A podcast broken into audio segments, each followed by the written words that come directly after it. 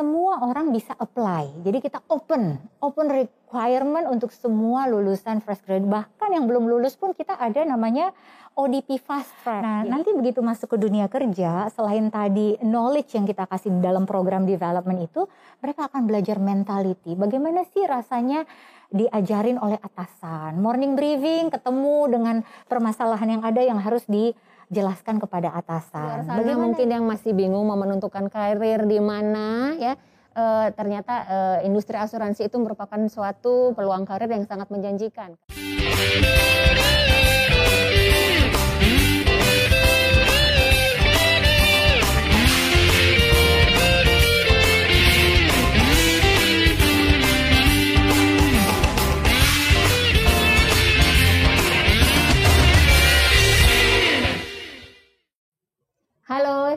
Pagi. Selamat datang kembali di podcast Ngolam. Ngobrol lebih dalam bersama saya Ratri. Kita baru memasuki tahun 2022 dan sudah dua tahun kita masih di dalam kondisi pandemi 19. Seperti yang kita ketahui bersama, pandemi COVID ini menyebabkan banyak perubahan. Di antaranya adalah perubahan tren di bidang pekerjaan. Pada tahun ini, diprediksi bidang pekerjaan yang sangat dibutuhkan adalah bidang kesehatan, supply chain management, teknologi, keuangan, statistika, dan aktuaria. Ada yang menarik perhatian saya, yaitu bidang aktuaria yang bisa diaplikasikan ke dalam industri asuransi.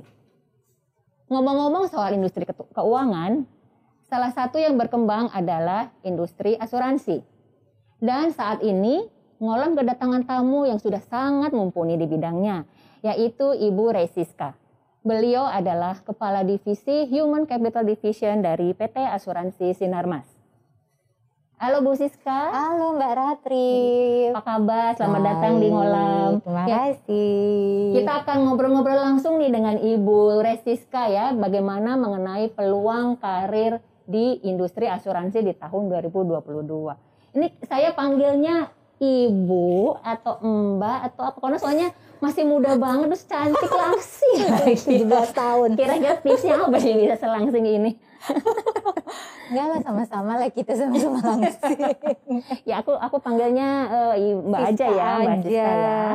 Iya. Oke, sebelum Mbak Ratri kita- apa kabar? Baik, Baik, sehat ya. ya. Mm-mm. Kita sehat-sehat semua mudah-mudahan ya. Amin. Nah, sebelum eh, kita masuk lebih dalam nih, Mbak Siska untuk ngobrol soal Iya, peluang karir Ratri. tadi, Iya. boleh nggak diceritain sedikit saja? Jadi eh, Mbak Siska ini sudah berapa lama bekerja di bidang human capital dan apakah sebelumnya pernah bekerja di bidang lain atau industri lain? Iya, eh, terima kasih Mbak Ratri. Nah, tahun ini saya kira-kira sudah eh, tahun ke-18 ya Wow, udah lama asuransi ya. Pengalamannya udah segudang ini Tapi pasti. senior-senior sa- saya termasuk Mbak Ratri udah 20 tahun ke atas kali ya. Rahasia Rahasia. Berarti umur kita sudah berapa ya Mbak? ketahuan umurnya. iya, jadi memang eh, dari pertama fresh graduate diterima di asuransi Sinarmas. Ya bertahan di sini ngurusin human capital. Iya. Jadi memang dari awal sudah langsung di human capital. Iya, betul, betul. Backgroundnya sendiri eh, itunya apa bu? Eh, backgroundnya eh, kalau zaman dulu Mm-mm. kan eh, kita belum terlalu kenal human capital ya. Mm-mm. Mungkin lebih kenal personalia. Waktu Oke. itu kan lebih banyak eh, background law major gitu ya. Mm-mm. Gitu. Jadi eh, memang perkembangannya itu lebih kepada eh, pengelolaan human capital, Mm. lebih ke manajemennya gitu. Kalau Mm. kalau zaman dulu 20 tahun yang lalu atau 25 tahun yang lalu itu lebih lebih banyak ngurusin mungkin eh, kontrak kerja atau eh, urusan-urusan absensi gitu ya dan lain-lain. Tapi sekarang lebih banyak bagaimana mendevelop, bagaimana training management, Mm. pengelolaan, talent management dan lain-lain. Jadi gitu, jauh lebih eh, luas ya bidangnya. Iya ya, lebih luas ya, daripada betul. 20 tahun Betul, lalu. betul. Nah, berdasarkan pengalaman Hmm. selama 18 tahun ini, bagaimana pandangan Mbak Siska mengenai peluang eh, karir di industri asuransi khususnya di tahun 2022 ini? Iya, kalau di asuransi itu kan sebetulnya apalagi kita bicara di asuransi general ya, Hmm. Mbak. General itu kan uh, kita lihat deh seperti di Sinarmas sendiri ada uh, bidang health, ada hmm. MBU, ada bonding, hmm. ada heavy equipment gitu ya. Hmm. Banyak sekali. Jadi sebetulnya uh, orang banyak berpikir kalau kerja di asuransi itu dia bakal jadi sales atau bakal jadi marketing only. Oh, Padahal ya. sebetulnya kita banyak sekali lulusan kedokteran, hmm. Teknik perkapalan, hmm. engineer gitu banyak sekali. Jadi sebenarnya dengan produk-produk kita yang variannya banyak, hmm. kita menyerap banyak sekali lulusan semua jurusan yang ada di universitas gitu. Oke. Ya, jadi, jadi uh, peluangnya sangat luas dan sangat besar dan banyak belajar pastinya di sini. Oke.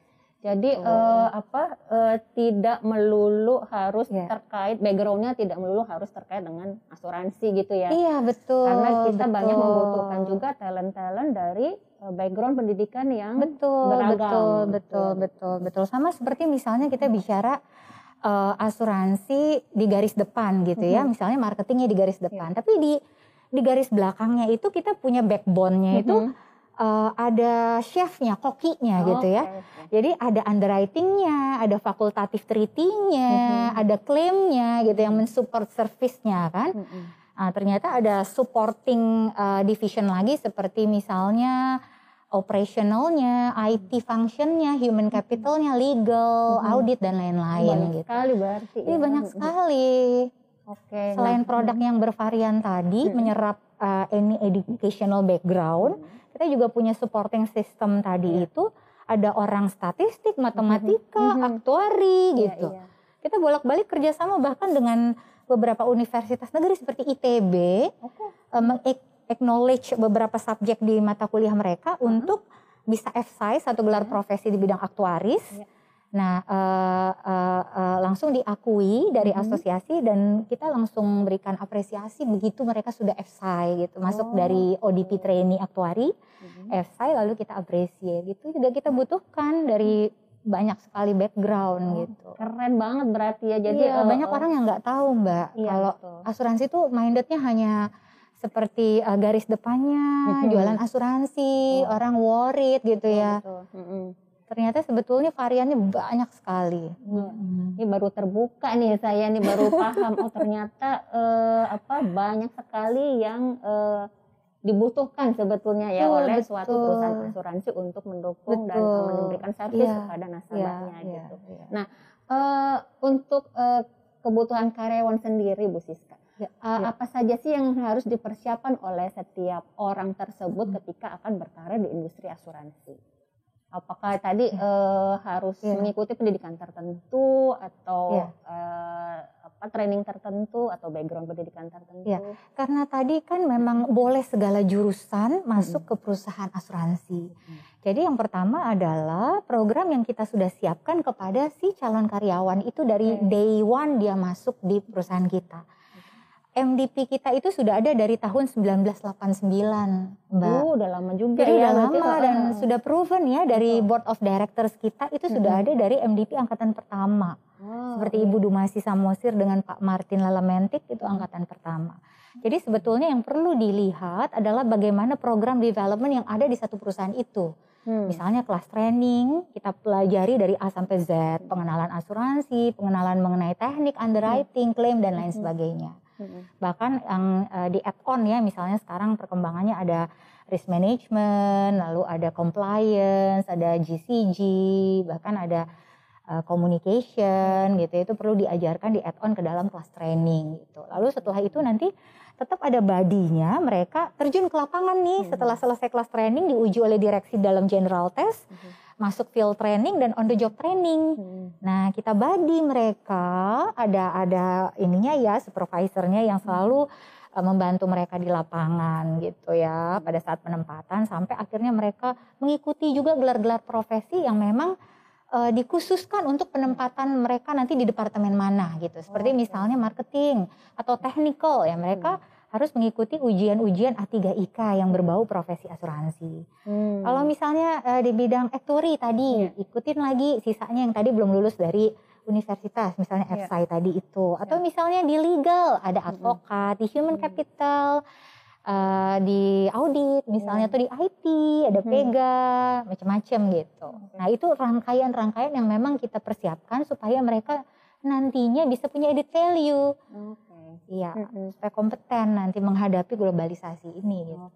Jadi untuk eh, untuk eh, calon karyawan atau mungkin karyawan yang mungkin backgroundnya tidak terkait dengan asuransi itu nggak perlu khawatir ya Bu- Mbak ya. Iya, Jadi iya, karena iya, nanti di, setelah masuk ke perusahaan, perusahaan akan eh, memberikan tadi training-training ya kan. Betul. Kemudian eh, buddying supaya mereka bisa Iya. eh, apa ya?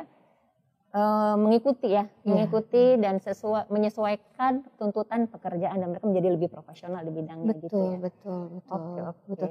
Sometimes kalau eh, anak-anak muda zaman sekarang itu mentalitinya yang agak kurang gitu ya. Jadi Hmm. mereka baca buku dapat IPK tinggi udah enough gitu ya. Hmm. Laporan sama orang tuanya, "Oke, aku lulus, Mom. IPK IPK aku 3, koma," Hmm. gitu ya. Nah, nanti begitu masuk ke dunia kerja, selain tadi knowledge yang kita kasih Mhm. dalam program development itu, mereka akan belajar mentality. Bagaimana sih rasanya diajarin oleh atasan. Morning briefing ketemu dengan permasalahan yang ada yang harus dijelaskan kepada atasan. Bagaimana leadershipnya terbentuk. Bagaimana mental pada saat ditegur sama atasannya. Hmm, langsung langsung down nangis, ya. langsung down Iya, iya. enggak. Atau mungkin disuruh sekali-sekali nih mau laporan tutup tahun buku gitu ya. Oh, harus lembur sampai jam 10.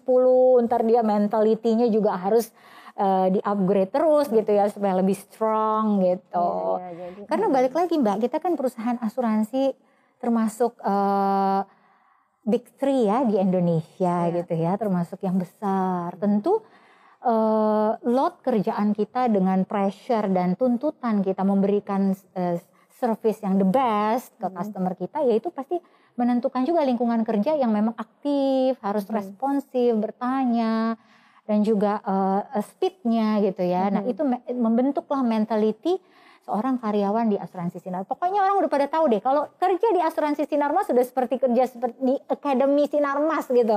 Udah tahu semuanya. Jadi jadi multitasking dan eh, hebat lah semua skills bisa Iya, gitu. multitasking dan mentalnya juga eh, teruji ya. Teruji. Betul. Iya.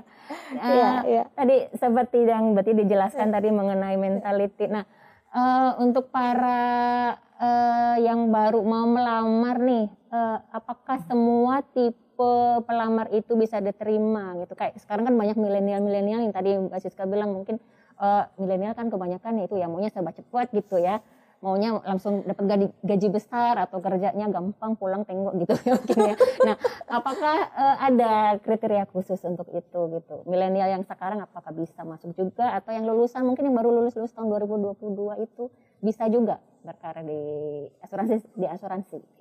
Eh, sebenarnya sekarang kan eh, apalagi dengan pandemi ini kita sudah work life balance ya. Jadi bisa working from home, working from office. Yang penting productivity-nya gitu ya. Produktivitas dia bisa eh, align dengan KPI yang sudah kita berikan. Lalu performance-nya juga baik. Nah, semua orang bisa apply. Jadi kita open, open requirement untuk semua lulusan fresh graduate. Bahkan yang belum lulus pun kita ada namanya ODP fast track. Jadi di semester 7 dan 8 itu eh, mayoritas IT dengan eh, matematik ya. Kita kerjasama dengan beberapa universitas. Lalu kita rekrut fast track namanya lebih cepat daripada umumnya yang lulus S1. Jadi sebelum dia lulus dia sudah menjadi karyawan di Sinarmas. Nah, jadi peluang itu terbuka untuk semuanya. Tetapi begitu di dalam, dia tentunya akan seleksi alam. Misalnya eh, mulai dari tes-tes di kelas training atau ada psychological test dulu deh di awal. Lalu ada tes logic untuk IT, algoritma dan lain sebagainya. Lalu eh, di dalam kelas training ada sistem gugur seperti kita lihat Indonesian Idol Oke, gitu ya, ada sistem gugur. Lalu ada general test gitu bagaimana seorang anak muda yang masih hijau berhadapan dengan eh, presentation di depan eh, directors gitu ya, pemahaman mereka tentang eh, insurance knowledge misalnya gitu. Nah, itu kan difilter di situ. Difilter, baru setelah itu masuk ke dalam tahapan field training, bagaimana mengimplementasikan tadi, itu semua dinilai. Jadi kita tuh bahkan jangankan yang yang calon karyawan, sebetulnya kita sendiri Mbak, itu kan kita juga uh, akan selalu ada KPI setiap tahun untuk berprestasi gitu. Betul, Kita iya. akan selalu di ranking, akan Hmm. selalu dinilai Hmm, gitu, hmm. saling uh, di dalam learning culture ya, karena Iya. budaya kita kan adalah budaya belajar gitu Hmm. kan. Jadi kalau menurut saya siapa pun terbuka untuk orang yang memang mau apply, Hmm. tinggal siapkah mereka menghadapi tantangan yang ada di dalamnya, termasuk sistem yang sudah ada di asuransi Sinarmas seperti tadi ya kita punya program development dari tahun 1989 sampai hari ini masih tetap Hmm. berjalan, bahkan variannya kan macam-macam tuh. Hmm. Mbak Ratri, kita uh, tahun 2003 kita menelurkan lagi ODP ODP back office, ada Hmm. ODP IT pada waktu Iya. itu. Lalu tahun 2007 muncul lagi ODP ODP uh, yang lain-lain ya. Tahun 2016 itu ODP IT fast track, Iya. ada ODP actuary dan lain-lain gitu. Hmm. Jadi memang uh, menyesuaikan, align dengan kebutuhan bisnis, kebutuhan zaman gitu ya. Kita butuh apa? Kelebihan di asuransi Sinarmas ya, uh, ya yang abadi itu adalah perubahan itu sendiri. Jadi kita berlari, ikut ya, ya, harus betul, menyesuaikan. menyesuaikan speednya itu dengan itu. Begitu juga human capital as a business partner gitu ya. Ya, seperti itu Oke. Mbak. Aduh menarik sekali nih penjelasannya dari Mbak Siska. Jadi ternyata eh, banyak sekali hal yang bisa eh, kita pelajari di dalam industri Ya, asuransi ya. Betul. Eh, terus eh, meng- kalau berdasarkan pengalaman Mbak Siska ini eh, bisa sharing nggak pengalamannya bagaimana sih realita bekerja di suatu perusahaan asuransi gitu? Apakah perusahaan asuransi itu bisa dijadikan eh, sarana untuk mengembangkan karir atau bagaimana? Eh, tentu ya, karena di asuransi Sinarmas satu career path-nya sudah ada. Hmm. Jadi eh, hampir 85% dari salah satu competition di salah satu magazines kita eh, pemenang award waktu itu Mbak Ratri eh, yang menciptakan talent grow from within itu 85%. Talent kita itu dari bawah Dari da- dari dalam sendiri dari ya, dalam ambil dari luar betul ya. betul mungkin ada beberapa yang 15% itu yang memang mungkin posisinya baru diharuskan oleh regulator Mhm. misalnya nah kita harus professional rekrut Iya. eh, pro hire gitu ya Iya. misalnya jadi yang pasti career path sudah terbentuk dari semenjak 1989 Mhm. asuransi Sinarmas sendiri berdiri di 1985 gitu ya Mhm.